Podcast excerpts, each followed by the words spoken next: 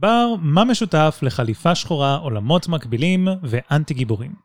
אפוקליפסת הזומבים שתחליף את מגפת הקורונה. איך, איך זה קשור למה שאני אמרתי? אוקיי, תאר לך, עשר שנים מעכשיו, מגפת הקורונה כבר לא בחיינו. ייי!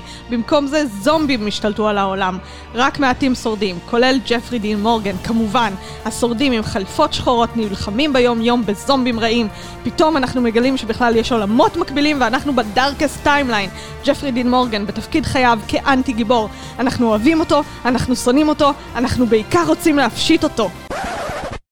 לא? לא, לא, לא, זה, זה לא...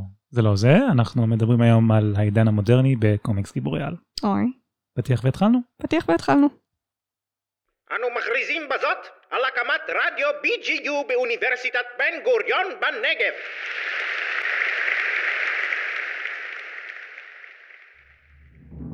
המאה ה-21 וסרטי קומיקס צצים בכל פינה. מי יעשה סדר בבלגן הזה? פריאל כהנים ובר לשם, שני sidekicks ללא פיקוח של מבוגר אחראי. אין דבר שיעצור באדם מלדבר על ספרות מאוירת. אה, האמת היא שיש בעיה עם המושג הזה? אל תפריע לי בפתוס! זה העניין עם התחתונים. פודקאסט על קומיקס וגיבורי על!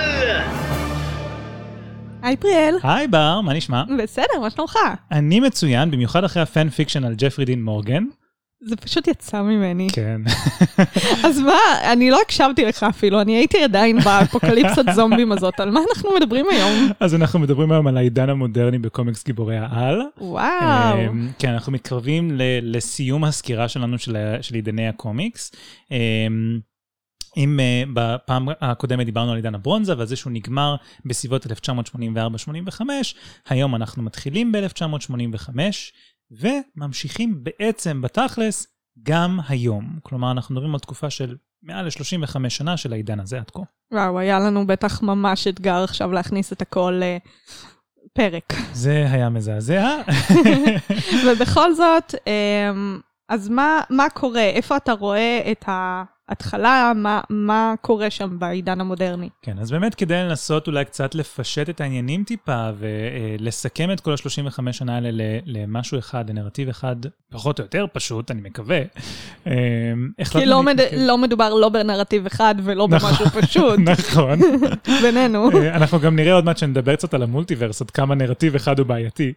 אמ, אבל ניסינו באמת להתמקד בארבעה מאפיינים מרכזיים בדור הזה, בעידן הזה, כדי קצת להקל על העניינים. אז המאפיין הראשון שאנחנו נדבר עליו זה מאפיין שכבר הזכרנו בעידנים הקודמים, וכל עידן אנחנו ממשיכים לחזור עליו, שזה עוד פעם המעבר הזה לסיפורים אפלים אפילו יותר ממה שהיה לפני זה. אז בדור הכסף ראינו דברים שהם קצת יותר רציניים מהצבעוניות של דור הזהב, בדור הברונזה אנחנו פתאום מתחילים להתעסק בשאלות חברתיות ופוליטיות, ובדור המודרני אנחנו כבר לוקחים את זה צעד אחד קדימה, זה לא רק דמויות שעושות סמים או דמויות משניות שמתות, אלא גם דמויות ראשיות שמתות, וגם המון עיסוק בסוגיות פוליטיות מורכבות יותר. כששתי הדוגמאות הכי קלאסיות לדבר הזה הם The Dark Knight Returns של פרנק מילר ו-Watchmen של אלן מור ודייב גיבנס. שקיבלו גם אה, איזושהי אה, גרסה חדשה בסרטים. נכון. ובסדרה בוואטשמן. נכון, נכון. אז וואטשמן גם קיבל סדרה, גם קיבל סרט אה, בבימויו של אה, זאק סניידר. אמ, ובאופן מעניין, גם The Dark Knight Returns משפיע בצורה מאוד, uh, מאוד משמעותית על האסתטיקה הוויזואלית של בטמן נגד סופרמן, גם הוא בבימויו של זק סניידר. ואנחנו מדברים על ה-Dark Knight Returns של כריסטופר נולן. לא, לא, לא, לא. לא, לא, לא, לא. לא. Dark Knight Returns זה הקומיקס של... אה, נכון, uh, יש את ה-Dark Knight ש... אוקיי, בסדר, הבנתי. זהו, אז Knight Returns זה של uh, uh, פרנק מילר. Uh, כריסטופר נולן כן לקח, שאל את הקונספט של The Dark Knight כן. מפרנק מילר, אבל מה שהוא עשה עם זה, מה שנולן עשה עם זה, אה, היה מאוד שונה מה vision שהיה למילר. ה-returns זה בעצם כשאנחנו מדברים על בטמן המבוגר, נכון? הבט פלק בעצם. תיאורטית כן. אז, אז האביר האפל חוזר מפורסם במקור כסדרה של ארבעה גיליונות אה, במהלך 1986, אה, והוא סובב סביב עולם שבו ברוס וויין כבר די זקן, בן 55 כזה. כל כך זקן? אה, ככה אימא שלי אומרת לי כל פעם שאני אומרת על מישהו שהוא מבוגר, כל כך זקן. היי אימא. אמרתי די זקן, בן 55 זה לא כזה זקן. אמ, אבל אה, הוא כבר פרש מהתפקיד שלו כבטמן, כי בגיל הזה הוא כזה, fuck it, אני... I'm too old for this shit. בדיוק, בדיוק.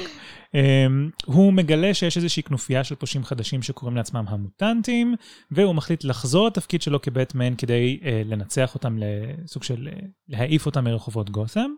Uh, על הדרך נערה בשם קרי קלי, שמאוד מעריצה את בטמן, גם מצטרפת אליו כאל הרובין החדשה שלו, שהיא גם הרובין האישה הראשונה בהיסטוריית הפרסומים של בטמן. שזה מעניין, כי רובין אנחנו מדברים על אמ, נער או נערה, נכון? ש, שבעצם בטמן לוקח תחת חסותו. כן, גם, גם קלי קרי היא, היא נערה, מהמם. אמ, אבל אה, קרי קלי. אני כל כך שונא את זה שיש לדמויות הרבה פעמים שמות אה, פרטיים ושמות משפחה שהם שניהם שמות פרטיים.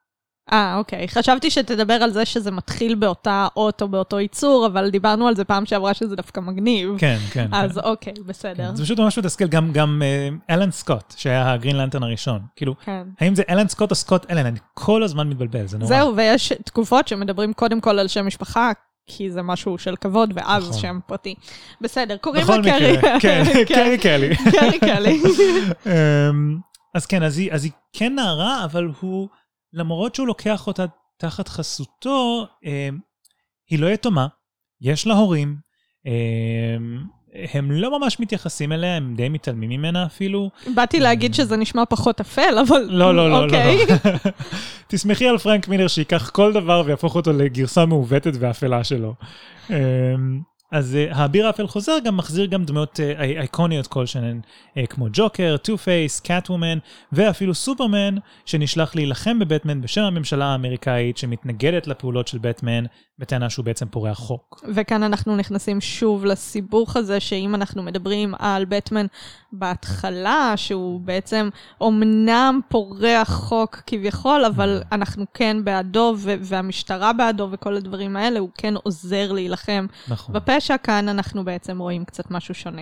נכון, וזה גם מאוד מעניין שפרנק מילר בוחר דווקא בסופרמן בתור האנטגוניסט בחלק האחרון של, של הסדרה, אמ, בגלל שבאיזשהו מקום סופרמן כאן מייצג כמעט את התפיסה הנאיבית יותר של דור הזהב של גיבורי העל, כן? סופר פטריוטי, אמריקאי מאוד, יש אפילו איזשהו חלק, איזושהי תמונה בקומיקס, שרואים את סופרמן עומד כזה עם רגל על סלע ועם נשר ש... עם נשר. עם נשר שנמצא לו על היד או משהו. מאוד מעודן. כן, כן, כן. זה כאילו מאוד obvious שיש פה אה, אה, רפרנסים לרגשות הפטריוטיים האמריקאים הקלאסיים של דור הזהב. אה, ומנגד יש לנו את בטמן שכאילו עובד נגד המערכת, אבל לטובת בן האדם הרגיל, כאילו האדם הרגיל ברחוב. שזה מה שסופרמן בהתחלה ייצג. נכון. אז זה, זה ממש מעניין איך אנחנו רואים פה סוג של נקודת מפנה שבה פרנק מילר דווקא לוקח את סופרמן, מנצל אותו כדי להדגיש את שתי האידיאולוגיות המאוד מנוגדות האלה. אמ, עכשיו, האביר אפל חוזה נחשבת גם לאחת מיצירות הקומיקס המשפיעות והחשובות ביותר ever כנראה.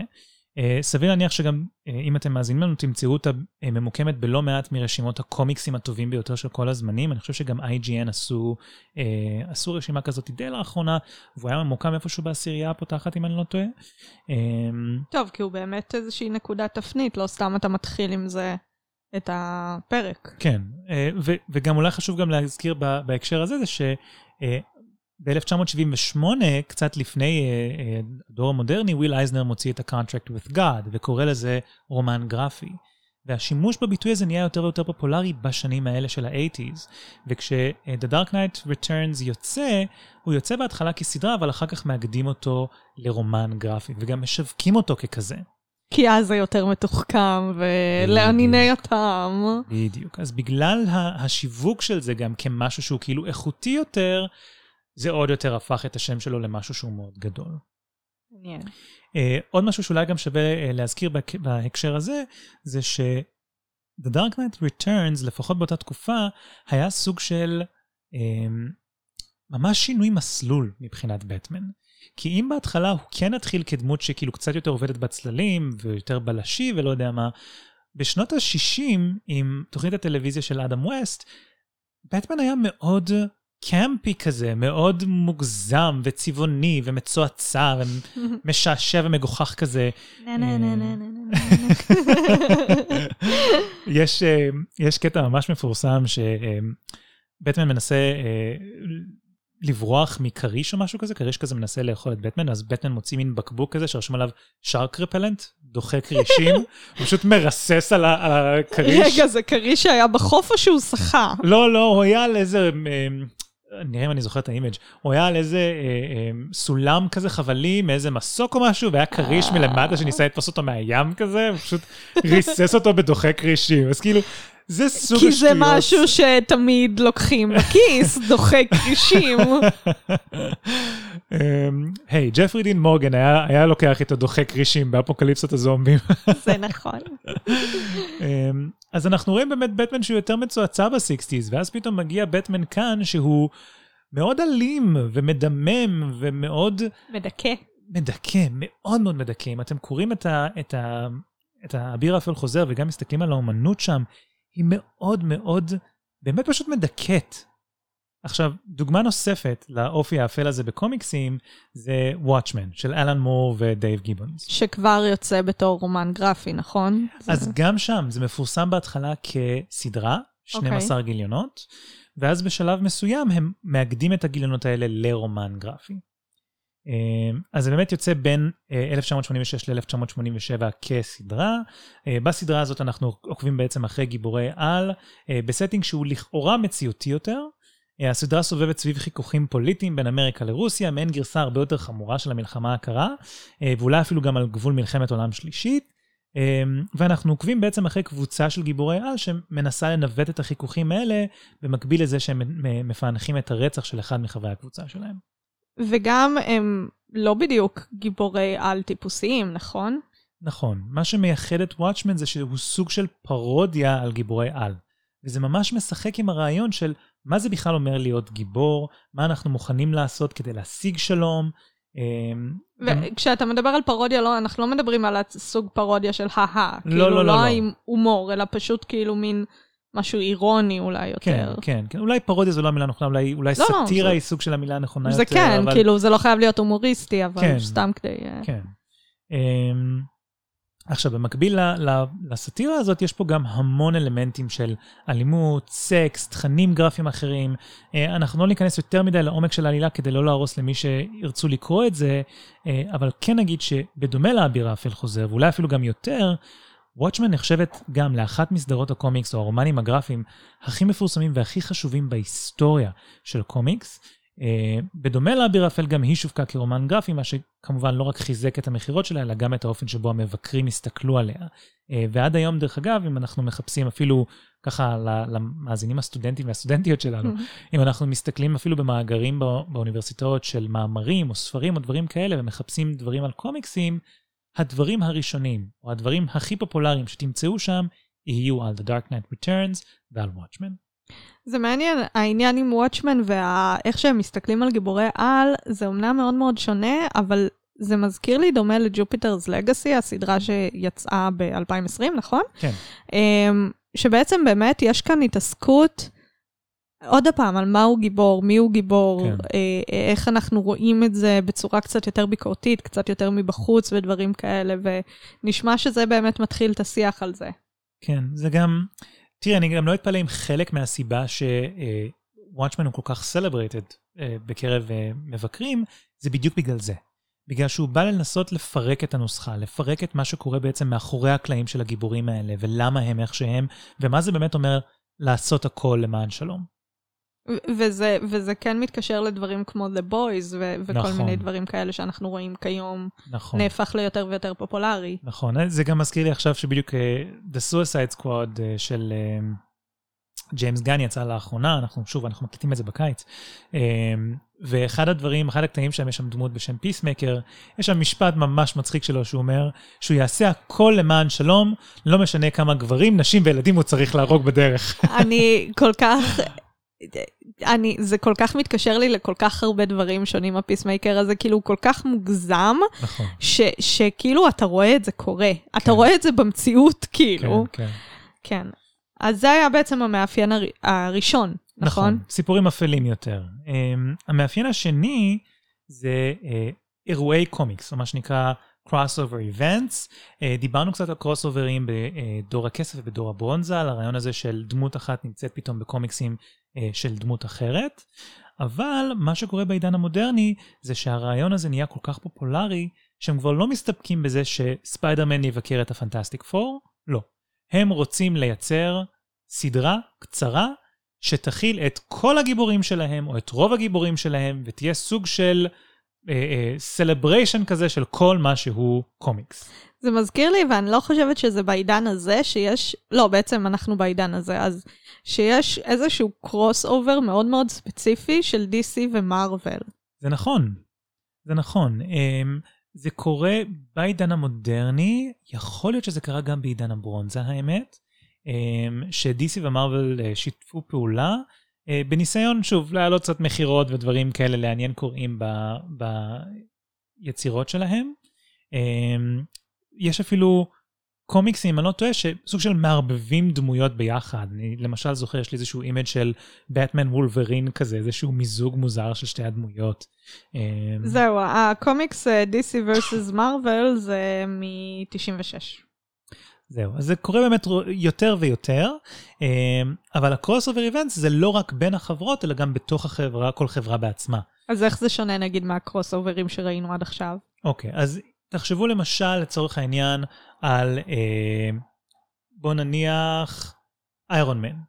כשבאיירון מן 2 בלק ווידו פתאום מופיעה באיירון מן, בסרט של איירון מן זה crossover קטן כזה בקטנה, יש פה דמות מ franchise אחר, ממקום אחר שמופיעה כאן, או כשהאלק ותור נפגשים בתור רגנרוק. אוקיי, okay, אבל יש לנו גם דברים כמו האבנג'רס וכל הדברים נכון. האלה. אבנג'רס אנד גיים הוא דוגמה טובה ל crossover event.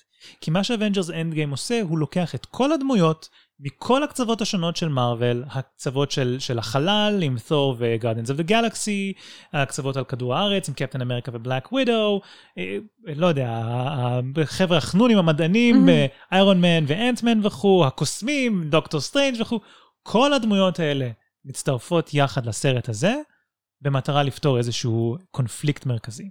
וזה אנחנו רואים בתקופה המודרנית כ- נכון. כמשהו שקורה בקומיקסים. נכון. אז הראשונים שבאמת עשו את זה בדור המודרני היו מארוול, שפרסמו uh, בשנים 1984-1985 את Secret Wars. זו סדרה שנכתבה על ידי ג'ים שוסטר ואויר על ידי מייק זק. שוסטר. ובוב לייטון. אין לי מושג אם יש קשר לשוסטר הזה, האמת. שווה לבדוק. Um, אבל בסדרה הזאת, ב Secret Wars, ספיידרמן ביחד עם הרבה גיבורים אחרים כמו איירון מן, קפטן אמריקה, האלק, הפנטסטיק פור והאקסמן, כולם משתפים פעולה כדי להילחם בקבוצה של נבלים, כולל דוקטור דום ודוקטור אוקטופוס, אולטרון, קנג, שבקרוב מאוד גם מצטרף לסרטי מארוול, אה, ועוד. אה, דרך אגב, fun fact, עבור אלו מכם שזוכרים אולי את סדרת האנימציה של ספיידרמן מה-90's, אה, היו כמה פרקים כאלה שבהם פיטר נלחם בחלל יחד עם כל הגיבורים האלה. אה, בקומיקסים שדה המלחמה הזה בחלל גם היה המקום שבו פיטר מצא, אה, לא במודע, את הסימביות שהפך את החליפה שלו לשחורה, ואחר כך גם הפך ל... בדיוק, לוונום. עכשיו, סיקרט וורז הייתה מאוד פופולרית בקרב המעריצים, בקרב הקוראים והקורות באותה תקופה, והיא הכניסה למרוויל הרבה הרבה הרבה כסף, אבל מבחינת המבקרים זה היה קצת כישלון. מבקרים די קטלו את הסדרה, אמרו שהיא הייתה קצת ילדותית, הקונספט היה די פשוט, ובתכל'ס זה גם די נכון, כאילו בואו נשים את כל הטובים נגד כל הרעים, כי יש איזושהי ישות קוסמית שרוצה להכריע מי ינצח, הטוב המוחלט או הרע המוחלט. כאילו... אפילו ב Endgame לא עושים את זה שתאנוס כאילו יש משהו בדבריו כן. בצורה מאוד כמו פיסמייקר, ש... כן. טוב, לא, פיסמייקר, אני בכלל לא מסכימה איתו. אבל אוקיי, אז, אה, אז יש את העניין הזה. מה, מה נגיד עוד, איזה עוד אה, איבנטים אנחנו רואים? אז מנגד, ב-1985-86, אנחנו רואים את DC מפרסמים אירוע קומיקס משלהם, שנקרא Crisis on Infinite Earths, והוא נכתב על ידי מרב וולפמן, והוא יער על ידי ג'ורג' פרז. שניהם זה אותו הצוות שכתב את The New Teen Titans אה, בעידן הברונזה. עכשיו, מה שהפך את הפרסום של DC למוצלח יותר מזה של מארוול, ואני רגע אחד צריך להתענג על המילים האלו, כי זה לא, זה לא משהו שאומרים בכל יום.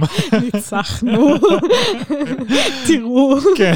mom look at me now.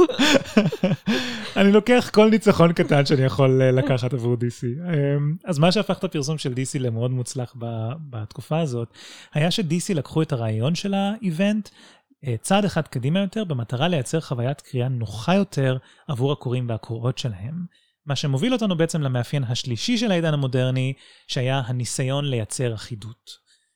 לפני שנגיע לזה, זה באמת מזכיר לי את ה crossover ים, את האירוע crossover שיש כל כמה זמן ב-CW, ב-Arrowverse, כן, מה כן. שנקרא, של ה Crisis אה, on Infinite War, אה, Earth, סליחה, ו, ובאמת שם יש את הניסיון, וגם זה...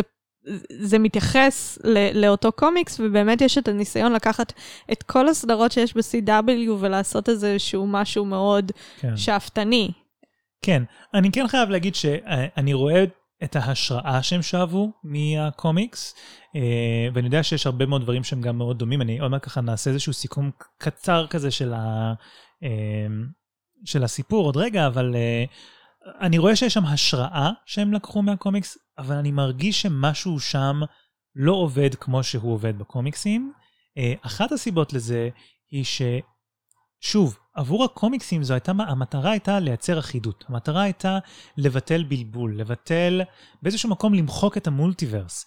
ובאירוברס נראה שכאילו המטרה היא לעשות בדיוק את הדבר ההפוך, ת- לייצר כן. מולטיברס. ת, תלוי איפה, כי באמת יש כמה איבנטים עם השנים, ו- ואומנם האיבנט האחרון שאני אה, שמעתי עליו היה באמת העניין של היקומים המקבילים, אבל כן אנחנו רואים אה, כל מיני דברים, ואני חושבת שבאופן כללי, נדבר על זה אולי קצת בפרק על העידן הסינמטי, מה שאנחנו נדבר עליו אה, בהמשך, אז ש, שדברים לא עוברים מספיק טוב בגלל כל מיני הגבלות. כן. מאוד מאוד ספציפיות. אז בוא, בוא נחזור שנייה למאפיין השלישי.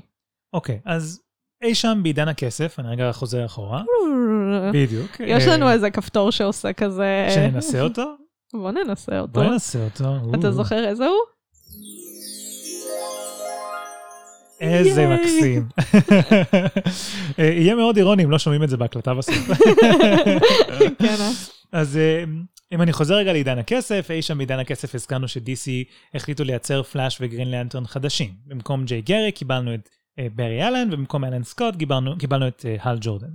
בזמנו, בשנת 1961, DC סוג של הסבירו את השינוי הזה כשני עולמות מקבילים, כל אחד עם הגרסאות שלו לדמו, לדמויות האלה. הבעיה היא שעם השנים, הרעיון הזה של עולמות מקבילים התחיל להסתבך יותר ויותר, כשכל יוצר חדש הגיע עם רעיונות משלו לסדרה אותה הוא כתב, ופתאום חלק מהדמויות נעלמו, חלק מההיסטוריה של דמויות מסוימות פתאום השתנו רטרואקטיבית, והקוראים פשוט כבר לא הצליחו לעקוב אחרי כל הבלאגן הזה. וזה גם נכנס לכל העניין של הקהל אה, לגבי קאנון. מה, מה, נכון. מה אמיתי כביכול, מה נכון. נכנס לקאנון, ממה אנחנו מתעלמים, אה, שזה גם דיבור בפני עצמו, נכון. שלפעמים כאב ראש. עכשיו, אם זה לא מספיק, במקביל לכל הדבר הזה, בגלל שהייתה תחלופה מאוד רצינית של יוצרים, בעיקר בין עידן הכסף לעידן הברונזה, אה, מה שקרה זה שהתחילו לצוץ טעויות רציניות בהיסטוריה של הסדרות האלו, שדמות מתנהגת בצורה מסוימת שלא תואמת את מה שקרה לפני זה, לפני ארבעה, חמישה, שישה פרקים. אמ, היוצרים ב-DC באותה תקופה פשוט מצאו את עצמם בבעיה ממש רצינית שהם כבר לא ידעו מה הם יכולים ולא יכולים לכתוב, כי לא היה תיעוד ברור להיסטוריה של כל דמות. עכשיו, בעקבות ההצלחה של אה, וולפמן ופרז בטין טייטנס, DC מחליטים לתת לצמד הזה אה, לכתוב את אה, Crisis on Infinite Earths, כשהמטרה של הסדרה הזו היא בעצם להיפטר לגמרי מהמולטיברס, להיפטר לגמרי מכל הבלבול הזה, ולייצר עולם אחד בלבד, ברור מאוד, שבו כל הדמויות של DC נמצאות ויש להן היסטוריה עקבית, ברורה וחד משמעית. האם זה הצליח להם? אה, חשוב להגיד שלכאורה כן, בהתחלה זה מאוד הצליח, זה עבד להם. אה, אחר כך הם הבינו שחלק מהדברים שהם מחקו, הם קצת רצו להחזיר, אה, וזה יצר המון בעיות של עקביות גם אחרי זה. אנחנו נגיע לזה אולי קצת יותר בהמשך, אולי כשנדבר על העידן הסינמטי, אבל כרגע מה שחשוב לדעת זה שבתוך הסיפור הזה, מה שקורה זה שישות בשם האנטי-מוניטור מתחילה להשמיד עולמות במולטיברס אחד אחרי השני, וגיבורים ונבלים מכל המולטיברס צריכים לשתף פעולה כדי לעצור אותו. בסוף הסדרה, שוב, כל העולמות האלה מושמדים, במקומם נוצר עולם אחד במקום המולטיברס הזה, והסדרה הזאת גם הורגת כמה דמויות מרכזיות, כולל את ברי אלן, הפלאש. קשה לי, קשה לי עם זה. אני יודע. הוא נשאר מת? אה, ברור שלא. קומיקסים הם כמו טלנובלות. מאז שהרגו את סופרמן. ואם אנחנו מדברים על ג'פרי דין מורגן, אז גם בעל טבעי מי שמת, הוא לא באמת מת. כן, אני חושב ש- שדין ו... ו- סם. וסם, תודה, עבר הרבה זמן מאז שראיתי את זה. שדין וסם חזרו כל כך הרבה לחיים, שזה כאילו... אני עוד לא ראיתי את העונה האחרונה. אתה חייב I know, לראות. I know, I know, I אתה know. חייב I לראות. know, אני אגיע לזה.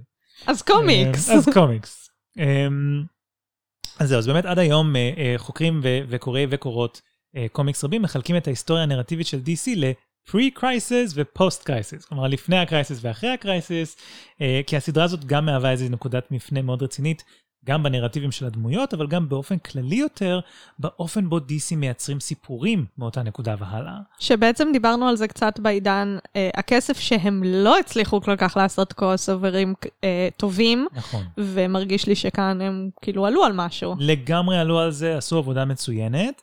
אה, גם חשוב להגיד שבגלל שהסדרה הזאת היא כל כך כל כך חשובה, הרבה אנשים מצביעים דווקא עליה כעל נקודת הפתיחה של העידן המודרני, ולא על The Dark Knight Returns ו-Watchmen. אה, אני גם אגיד, ב, ב, ככה מנקודת המבט האישית שלי, שאני חושב שהרבה אנשים מצביעים על Watchmen ועל The Dark Knight Returns בגלל שהם רומנים גרפיים, ובגלל שהרבה חוקרים מסתכלים על זה ולא על הקומיקסים הסדרתיים. אה, אבל אני חושב שחוקרי קומיקס אמיתיים, בלי gatekeeping כאן. אמ, אני חושב שחוקרי קומיקס רציניים, כאלה שבאמת לוקחים את העבודה שלהם ברצינות, יסתכלו גם על, על Crisis, כי Crisis הוא באמת נקודת מפנה מאוד מאוד משמעותית אה, אה, ב- בהיסטוריה של כתיבת קומיקס, ואי אפשר להתייחס רק לעניין הזה של סיפורים אפלים יותר בכל פעם, יש פה משהו שהוא הרבה מעבר לזה. אז אנחנו מדברים על DC, ומה מארוול עושים עם כל העניין הזה? אז מארוול מהצד השני של המפה אה, מתעקשים כן לשמר את המולטיברס. הם די הולכים ראש בקיר, אומרים לא, לא, לא, לא, לא, המולטיברס הוא סבבה. משהו לא עובד, יש חוסר עקביות, זה עולם מקביל, אל תדאגו, הכל טוב. לא, כי אני מסתכלת עליך עכשיו. כמה סיבכת אותי. כן, אז זה, זה מחמיר ומחמיר ומחמיר עד שבשנת 2000 אה, אה, מארוול ממש פותחים אה, סדרה חדשה בשם Ultimate מארוול, שהיא ממש פשוט סדרה שהיא כולה, כל הפואנטה שלה זה עולם מקביל, שבו כל הגיבורים של מארוול קיימים בגרסאות שונות. שם אנחנו גם מקבלים ספיידרמן אפרו-לטיני, מיילס מוראלס, שאחר כך גם ב-2015, כשה universe הזה נסגר, קופץ בעצם לעולם שלנו, לעולם המרכזי עם פיטר פארקר. אוקיי, אז מה הלאה? אוקיי, אז דיברנו עד עכשיו על שלושה מאפיינים. המאפיין הרביעי והאחרון שאנחנו נדבר עליו היום הוא בעצם פירוק הנוסחאות המוכרות בקומיקס. וזה משהו שאנחנו יכולים לראות גם ברמת הדמויות עצמן, וגם ברמת מוסכמות הכתיבה של קומיקסים של גיבורי על. אוקיי, אז מה, מה ברמת הדמויות? ברמת הדמויות, העידן המודרני מביא איתו הרבה מאוד דמויות אנטי-הירואיות. אז אנחנו רואים אנשים כמו פאנישר, וספון, וונום, דמויות שלא ממש אכפת להם להרוג, לא מפריע להם להרוג, אבל הן כן מספיק, מספיק הירואיות כדי שנקרא להם גיבורים. גם דדפול, לא? או שדדפול יותר מוקדם? אה, זו שאלה טובה, אני לא זוכר מתי דדפול יצא. אה, אני רוצה לומר שאולי הוא יצא בעידן הברונזה, אבל אני לא בטוח. אה, אנחנו תכף נגלה, לא, 91. 91. כן, אז, אז דדפול הוא גם דוגמה ממש מצוינת לזה. תודה. אה, אני אכניס את ריין ריינולדס ל fan fiction הבא שלי. אני ממש can't wait. אה, אה, חשוב גם לה- להגיד בהקשר הזה שפרנק מילר, אותו אחד שכתב את האביר האפל חוזר, גם כותב את דרדוויל באותה תקופה, והוא ממציא מחדש את הדמות. אלו מכם שראו, צפו בסדרה של דרדוויל בנטפליקס, הסדרה הזו מבוססת במידה מאוד משמעותית על העבודה של פרנק מילר, כולל הדמויות שהוא יצר, שכוללות את סטיק ואת אלקטרה. אה, פרנק מילר היה גם זה שלקח את קינג פין מהקומיקסים של אה, ספיידרמן, והדביק אותו בדרדוויל אה, בצורה מאוד טובה ומשכנעת, וכרגיל גם הדמות הזאת שהוא כותב, אפלה יותר, אלימה יותר, תפוקה יותר מהקודמות. ו- וזה מעניין, כי אנחנו מדברים שוב על המורכבות שנעשית יותר ויותר אה, מורכבת, אה, ובאמת האנטי גיבור זה כבר לא גיבור שפתאום המשטרה רודפת אחריו כמו בטמן, אבל עדיין כאילו אנחנו בעד בטמן, באנטי גיבור אנחנו מבינים שלא הכל שחור ולבן, אמ, ויש דמויות שיעזרו, ואתה מסכים איתם בצורה כן. מסוימת, אבל זה עדיין לא הגיבור. נכון. האנטי גיבור בתכלס, מה שאומרו לו זה דמות שבורה, אה, לא אידיאליסטית מושלמת, כמו סופרמן עם הנשר על היד שלו. אה, אין להם תמיד מצפן מוסרי, וגם אם יש להם אה, אה, מצפן מוסרי, כנראה שלא יפריע להם להרוג, אמ, אבל עדיין בסופו של דבר יש משהו בהתנהגות שלהם, במטרות שלהם, באופי שלהם, שעדיין מצדיק את זה שנקרא להם גיבורים. אמ, אז זה, זה ברמת הדמויות. ברמה המבנית יותר, אנחנו רואים באמת יוצרים שמנסים לפרק את הנוסחאות המוכרות בקומיקס, שזה אומר שינוי של צורות וגדלים של פאנלים. אה, פאנלים זה המלבנים בקומיקס שמכילים איורים של סצנה מסוימת. אה, משחק עם צבעים וסגנונות אומנות שונים, גם אם זה אפילו באותה יצירה. אה, יש דרך אגב בטוומן אפס, בטוומן מספר אפס, גיליון אפס, אה, ששם הם ממש משחקים סגנון הציור, כי הם מציירים את הזהות האזרחית שלה בסגנון אחד, ואת הזהות שלה כבטמן בסגנון אחר. אז ממש יש פה איזשהו ניסיון כאילו גם להפריד ברמת האיורים את ה... את ה הזהויות הנפרדות שלה. וזה אנחנו גם רואים בבטמן Court of Owls, שדיברנו על, אה, עליו באחד מהפרקים. נכון. אה, שבאמת יש את המשחק הזה עם השו, השבירה של הפאנלים, פתאום אתה צריך אה, לשנות את הזווית של החוברת קומיקס כדי לקרוא את זה, פתאום יש פאנל אחד שזה דף שלם. נכון. וכל זה. נכון, פאנלים בצורות מוזרות, פאנלים שנשברים זה לתוך זה, או שהם בצורה של אלמנט כלשהו מהסביבה. אה, יש ממש אלמנט, אה, אה, פאנלים שהם בציור של מבוך, כי בטמן נמצא בתוך מבוך. או עין של ינשוף. עין של ינשוף, נכון. גם בטוומן Elegy, דרך אגב, של גרג ראקה וג'יי אייץ' וויליאמס השלישי, השלישי. השלישי, כן. חס וחלילה, שלא נבלבל בינו לבין השני או הראשון. אמ, זו סדרה, זה התחיל כסדרה ואחר כך זה, זה, אגדו את זה לרומן גרפי. אמ, גם הוא משחק בצורה ממש ממש טובה עם ציורים ומבנה ומרחב בקומיקס, אני מאוד ממליץ על הקומיקס הזה. אמ, אז בתכלס אלה בעצם המאפיינים הגדולים. זאת אומרת, יש פה סיפורים אפלים יותר, יש פה המון קומיקס איבנטס, אה, ניסיון לייצר אחידות בזה ש-DC מנסים לבטל את המולטיברס, מארוול ממשיכים עם המולטיברס, אמ, ופירוק של נוסחאות מוכרות אה, בקומיקסים. ואני גם רוצה להגיד, אנחנו לא מדגישים את זה הרבה, אבל... אמ, פריאל עשה עבודת מחקר מאוד מאוד רצינית כדי להביא את הארבעה המאפיינים האלה והניתוח הזה, אז באמת כאילו, מרשים.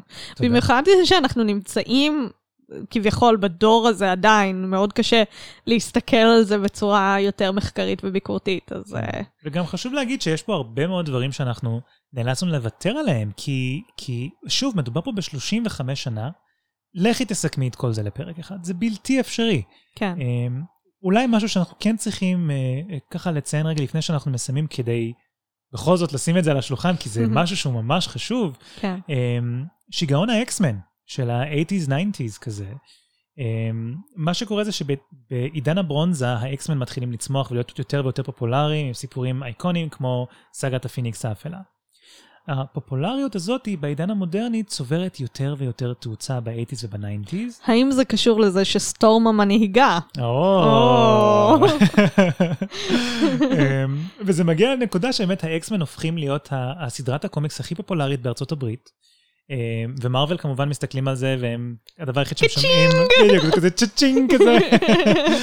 אה, אז הם כמובן אוטומטית קופצים על הטרנד ומוציאים במקום סדרה אחת של אקסמן, משהו כמו איזה 10 עד 12 סדרות אקסמן במקביל, יש את אקסמן ואקס פורס ואקס פקטור וניו מיוטנטס ווולברין ואקסמן. לא מגזימים בכלל. לא מגזימים בכלל, יש גם שלב מסוים, אני לא שמחלקים את הצוות לאקסמן Red ואקסמן Blue ואקסמן Gold וכל קבוצה יש לה מנהיג משלה, וזה כזה, פשוט משהו חסר תקדים בקומיקסים. ו- ובעצם אנחנו מגיעים לשנת 2000 שיוצאים גם הסרטים של נכון. האקסמן. אז קצת לפני זה ב nineties אנחנו מקבלים את הסדרה המצוירת שגם מאוד מחזיקה את, ה- את הפופולריות, ובשנת 2000 מתחילים הסרטים של אקסמן, אה, שאחרי הכישלון של בטמן ורובין ב-1997, אה, האקסמן בעצם עוד פעם הופכים את הקולנוע של גיבורי העל לרלוונטי, מה שמתגלגל בסופו של דבר ל-MCU כמו שאנחנו מכירים אותו. וזה כאן איזשהו מקום אה, אה, להרמה, שבעצם אה, כש, כשפריאל ואני התחלנו לדבר על הדורות, על העידנים של אה, אה, גיבורי העל, הצענו את הרעיון שבעצם יש דור או עידן חדש, שזה העידן הסינמטי, כן. אה, שזה בעצם יכול לעמוד כעידן משלו עם מאפיינים משלו, אה, ואנחנו נדבר על זה בהמשך. כן, אנחנו נחזור לעידן הסינמטי. כן. אה, עד אז, אנחנו נזכיר לה... כן, אז אנחנו נזכיר למאזינים שיש לנו קבוצת פייסבוק, העניינים התחתונים, פודקאסט על קומיקס וגיבורי על. אם אתם לא שם עדיין, מוזמנות ומוזמנים להצטרף. אנחנו גם נגיד תודה לבוזר אביב ול-BGU רדיו על הסיור בהפקת התוכנית שלנו. וגם היום נגיד תודה לג'פרי דין מורגן, תודה לג'פרין דין מורגן ותודה לך בר. ותודה לפריאל, ותודה למאזינים.